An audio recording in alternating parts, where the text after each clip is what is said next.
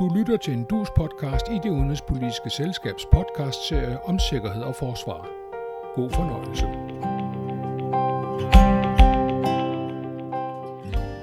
I started uh, this week with a visit to the front line and two of our regions, Donetsk and Zaporizhia. Most of them combat operations, both offensive and defensive, are concentrated there.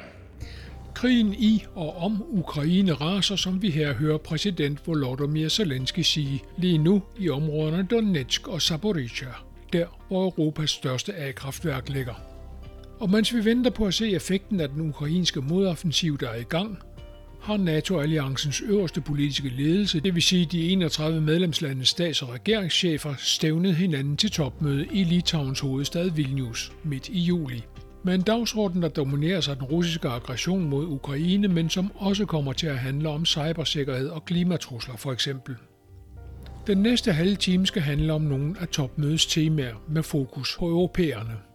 Jeg er det udenrigspolitiske selskabs faste sikkerheds- og forsvarspodcast og sikkerhedspolitisk journalist Tage Bagman. Velkommen til alle, der lytter med.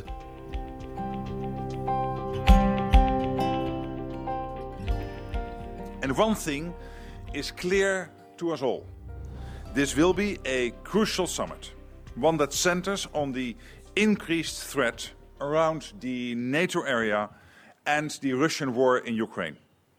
En ting står klart for os alle, siger Hollands regeringschef Mark Rutte, nemlig at dette er et afgørende topmøde. Et, der har fokus på de øgede trusler mod alliancen og på den russiske krig mod Ukraine. Når man har dækket så mange NATO-topmøder, som jeg har gennem tre årtier, så tager man det lidt med et grænsalt, det der med, at det er et afgørende topmøde. For det har man sagt om næsten alle topmøder siden 1990, hvad enten årsagen var krigen i Eksjugoslavien, krigen om Kosovo, angrebet den 11. september 2001 i New York og Washington, den efterfølgende krig mod terror, sammenbruddet i Libyen, krigen mellem Rusland og Georgien, eller den store krise i alliancen, mens Donald Trump var præsident i USA. Alt det førte til topmøder, der blev betegnet som afgørende, crucial, som Mark Rutte her sagde. Og dog, måske er der alligevel noget om, at noget afgørende er på spil denne gang. I hvert fald hvis man lægger det her topmøde sammen med det, der blev holdt sidste år i Madrid. For til sammen kommer beslutningerne fra de to topmøder til at ændre helt grundlæggende ved den måde NATO arbejder på.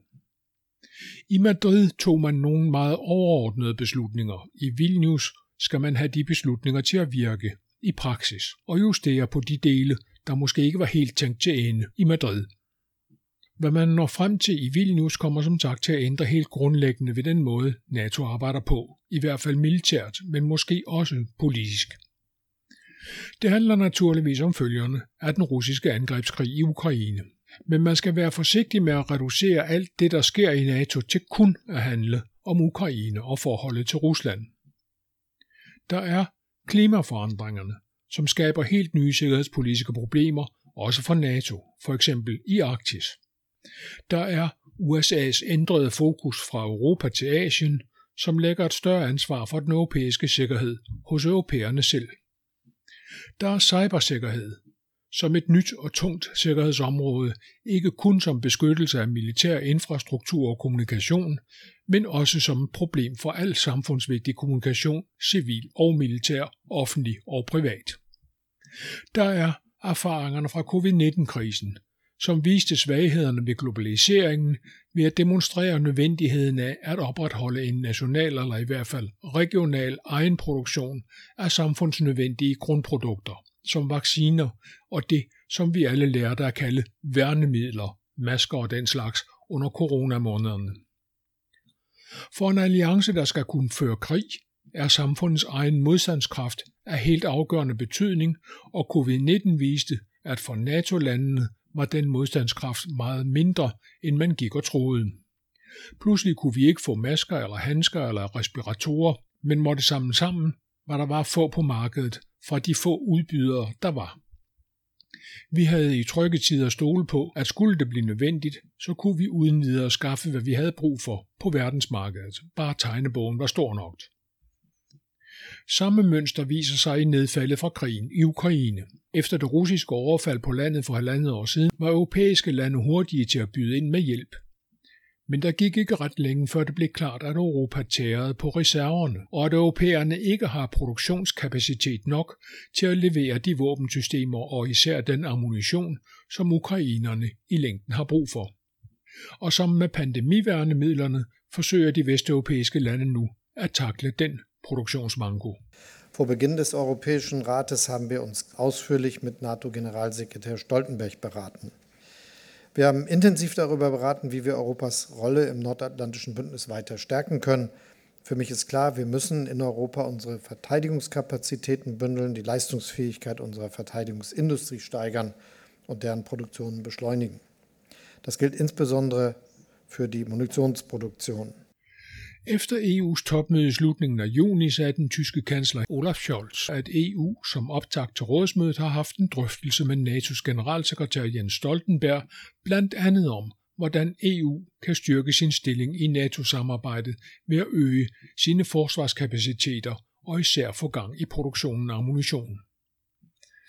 Det er nødvendigt, fordi ukrainerne har hårdt brug for ammunition til de våbensystemer, de har fået leveret af vesteuropæerne og amerikanerne, og som bruger ammunition af NATO-standard, om man vil, altså af et andet kaliber end de russiske våbensystemer, som Ukraine i forvejen havde. Men det ukrainske behov er kun en del af forklaringen på, at NATO-landene kæmper for at få produktionen i vejret. En anden del af forklaringen er, at Ukraine har mindet NATO om, hvilke kolossale mængder af ammunition, der går til i den slags konventionel krigsførelse, som Ukraine er tvunget ud i, og som NATO nu anser for en sandsynlig form for krig, alliancen må forberede sig på. Sådan var det ikke i tiden efter den kolde krig. Der gik udviklingen i en anden retning, ikke mindst efter 2001. Herhjemme blev det illustreret af de anbefalinger, et udvalg under ledelse af ambassadør Hans Henrik Brun nåede frem til i rapporten De sikkerhedspolitiske vilkår for dansk forsvarspolitik. Danmark skulle bevæge sig væk fra territorialforsvar, altså en større stående styrke til forsvar for Danmarks territorium og i alliancesammenhæng forsvar af Nordtyskland, og i stedet satse på et indsatsforsvar, som skulle kunne være med i den skarpe ende, som man sagde. Altså kampopgaver langt fra Danmark og NATO's område. Krig, som den blev ført i Afghanistan med andre ord. Relativt små og meget bevægelige landstyrker med luftstøtte, når det drejede sig om større kampopgaver, tyede man til flyvevåbnet, bombefly og kamphelikoptere. Brunudvalgets rapport kom i 2003, og dets anbefalinger blev fuldt et stort stykke af vejen. Noget lignende skete i rigtig mange af de vestlige lande, både dem, der var i NATO og dem, der ikke var med i alliancen.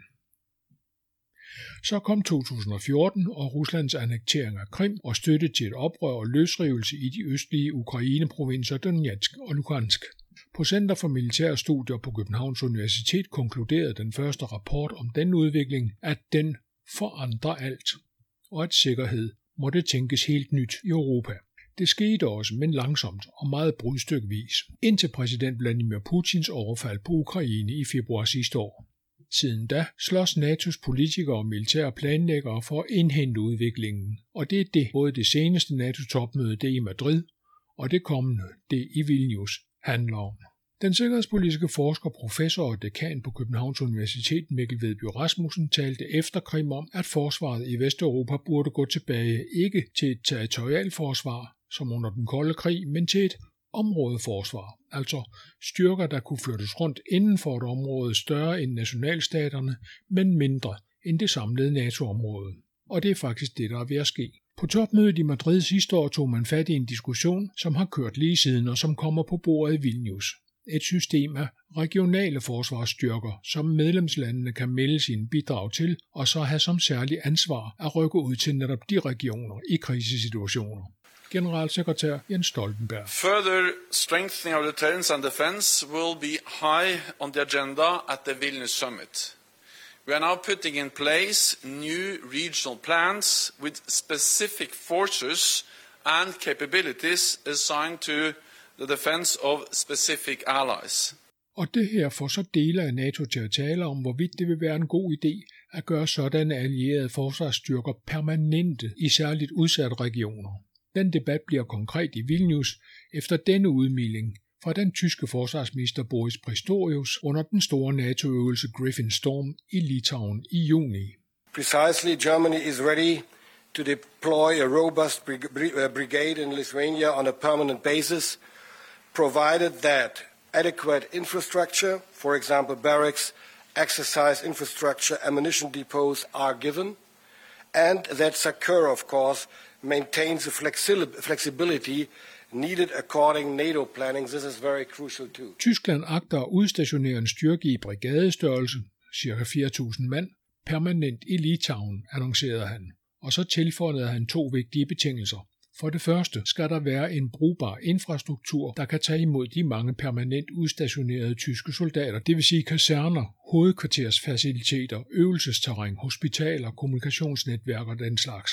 Og det har Litauens regering beredvilligt lovet at få på plads og betale for.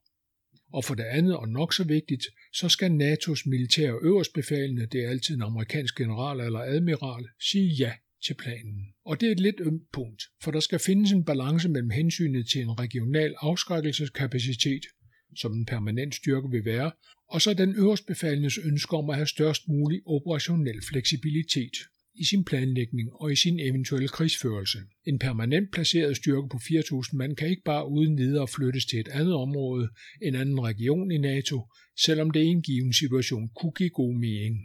Litauerne vil grumme gerne have den tyske styrke, Boots on the ground er Litauens første prioritet, ifølge landets præsident Gitanas Nausėda. Let me emphasize that the deployment of the German brigade in Lithuania is a national security priority for Lithuania. We have allocated significant funds building infrastructure and working and on creating excellent training conditions on the ground. Boots on the ground is our absolute priority. I Polen følger man den her diskussion nøje, for polakkerne vil også gerne have permanente NATO-styrker i landet, og det samme ved andre af det, vi kan kalde frontlinjestaterne, dem der grænser op mod Rusland eller mod uroområder i Ruslands nærhed. Og det er her, den øverstbefalende for NATO's styrker må finde en balance, for hans mulighed for at være fleksibel svinder med antallet af sådanne permanente arrangementer. Men selv hvis den øverstbefalende siger nej til permanente arrangementer, er der stadig mulige sten i skoene, også for ikke-permanente styrker. Og det hænger sammen med USA's mere tilbagetrukne rolle i den nye europæiske sikkerhedsstruktur.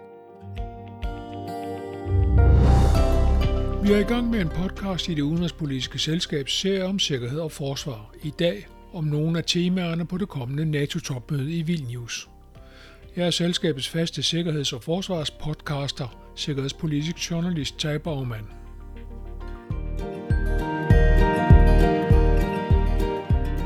På Madrid-topmødet sidste år vedtog NATO ikke bare et nyt strategisk koncept, der udnævner Rusland til den mest betydningsfulde og direkte trussel mod de allierede, men besluttede en dramatisk ændring af NATO's styrkeopstilling for at imødegå den trussel.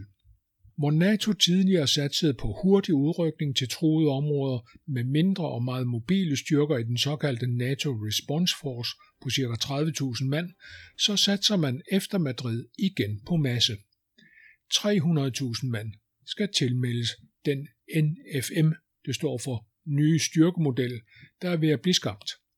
Den får tre lag op til 100.000 mand, som skal kunne rykke ud til kriseområder i løbet af højst 10 døgn. Godt 200.000 mand, som skal rykke ud i løbet af de følgende 20 døgn. Og endelig 500.000 mand, som skal kunne være på plads i kriseområdet i løbet af senest 6 måneder. I en dugfrisk forskningsrapport fra det Internationale Institut for Strategiske Studier i London vurderes det, at med USA i en lidt mere tilbagetrukket rolle, vil det være op til europæerne at stille størstedelen af de styrker. Og for at det skal kunne fungere, så skal styrkerne nødvendigvis være multinationale, altså sammensat af styrker fra flere af de europæiske NATO-lande. Og den diskussion, der nu skal tages hul på, handler om at få overvundet det problem, at NATO-landene som selvstændige nationer har nationale opfattelse af, hvad alliancen bør prioritere, og hvordan trusler skal vurderes. Og hvis man ikke når en fælles opfattelse af de her ting, vil det være svært at få multinationale styrker til at fungere ordentligt sammen. Og dertil kommer så erfaringerne fra for eksempel Afghanistan, hvor NATO's medlemslande ganske vist deltog alle sammen, men de fleste med det, der blev kendt som caveats, forbehold for, hvad netop deres styrker måtte bruges til og hvordan de måtte bruges. Det skaber problemer for den militære planlægning, som kan spænde ben for målet om et hurtigt og massivt svar på en opstået trussel. Også her har NATO et stykke hjemmearbejde, der skal gøres, hvis alliancen skal opnå den maksimale afskrækkelse, som er det, det hele handler om. Ikke at føre krig, men at være så parat til at føre den, at den helt undgås, fordi modparten indser, hvor høj en pris han kommer til at betale for en aggression. Og så handler det også om noget lavpraktisk, om at indrette sine forsvarsstyrker sådan, at de uden videre kan passes ind i det puslespil, der er den nye styrkemodel. For det er ikke nok med vilje til samarbejde. Samarbejde skal også være muligt, og det handler om, hvordan de enkelte lande vælger at opbygge deres forsvarsstyrker, hvilke våbensystemer de satser på, og hvordan de indretter soldateruddannelserne osv og det er i høj grad ting, der afgøres nationalt og ofte som resultat af politiske kompromiser, der skal til for at få beslutningerne igennem de nationale parlamenter. Også her er der arbejde forude for alle medlemslandene. Den gode nyhed for NATO er så, at den politiske vilje til at gå den her vej er til stede, og det var måske det vigtigste resultat af Madrid-topmødet sidste år. I Vilnius gælder det så at konkretisere beslutningerne fra topmødet i Madrid ved at definere en sikkerhedsarkitektur, og en forsvarsplanlægning, der udfylder de beslutninger. Det understregede den franske præsident Emmanuel Macron, da NATO's generalsekretær Jens Stoltenberg besøgte Paris som forberedelse til Vilnius-topmødet. Nous aurons également la responsabilité de définir une architecture de sécurité, des plans de défense cohérents avec les décisions prises l'an dernier au sommet de Madrid. Når det her er så vigtigt for europæerne, er det som sagt, fordi USA og Kanada kommer til at spille en lidt mere tilbagetrukket rolle, dels fordi USA er ved at flytte fokus fra det europæiske til det asiatiske område, med særlig opmærksomhed rettet mod Kina som både modstander, rival og nødvendig samarbejdspartner, dels fordi NATO's mest truede områder også er NATO's svageste områder, netop Baltikum og NATO-områderne ved Sortehavet. Og for de lande er det ikke en mulighed at afvente forstærkninger fra den anden side af Atlanterhavet i tilfælde af en aggression. De kan ikke, som man siger, købe tid ved at ofre terræn til en fjende. Så de må satse på en hurtig støtte og helst, som sagt lige før, permanent støtte fra Europa. Litauens præsident igen. Let me remind you about specificities of our security situation. Lithuania is between heavily militarized Kaliningrad and Belarus. So reliance on reinforcement only, no matter how fast, won't work in our case. Og selvom USA har forstærket sin tilstedeværelse i Europa en smule, så er det først og sidst en europæisk opgave at modstå et militært pres mod de europæiske NATO-grænser. En hovedopgave for USA og Storbritannien i øvrigt bliver så at sikre forbindelserne mellem det nordamerikanske kontinent og Europa via Nordatlanten. På et område er USA's tilstedeværelse i Europa imidlertid stadig helt nødvendig, nemlig på atomvåbenområdet. Den nukleare afskrækkelse er en opgave, som europæerne ikke kan løfte alene. Polen og de baltiske lande især er opskræmt over udstationeringen af russiske atomvåben i Belarus. Der er tale om russiske taktiske slagmarksvåben, men det er også alt nok til at kalde på et afskrækkelsespotentiale, som kun kan være amerikansk. Til det kommer så de samme landes og hele alliancens bekymring over den militære trussel, der kan komme til at udgå fra Belarus efter de seneste dramatiske begivenheder i Rusland. Jeg taler naturligvis om det fejlslagende oprør mod den russiske militære ledelse og i sidste ende mod præsident Vladimir Putins autoritet, som forløbig er endt med, at lederen af den private Wagner her, Yevgeny Prigozhin, er blevet landsforvist til Belarus sammen med et ukendt antal af de lejesoldater, der udgør den brutale, men militært effektive Wagner-gruppe. Hvad det betyder er stadig ikke klart, men både i Ukraine, Polen og Litauen er bekymringen til at tage og føle på. Her formuleret af Polens præsident Andrzej Duda, som kræver et meget, meget hårdt svar fra NATO, som han siger.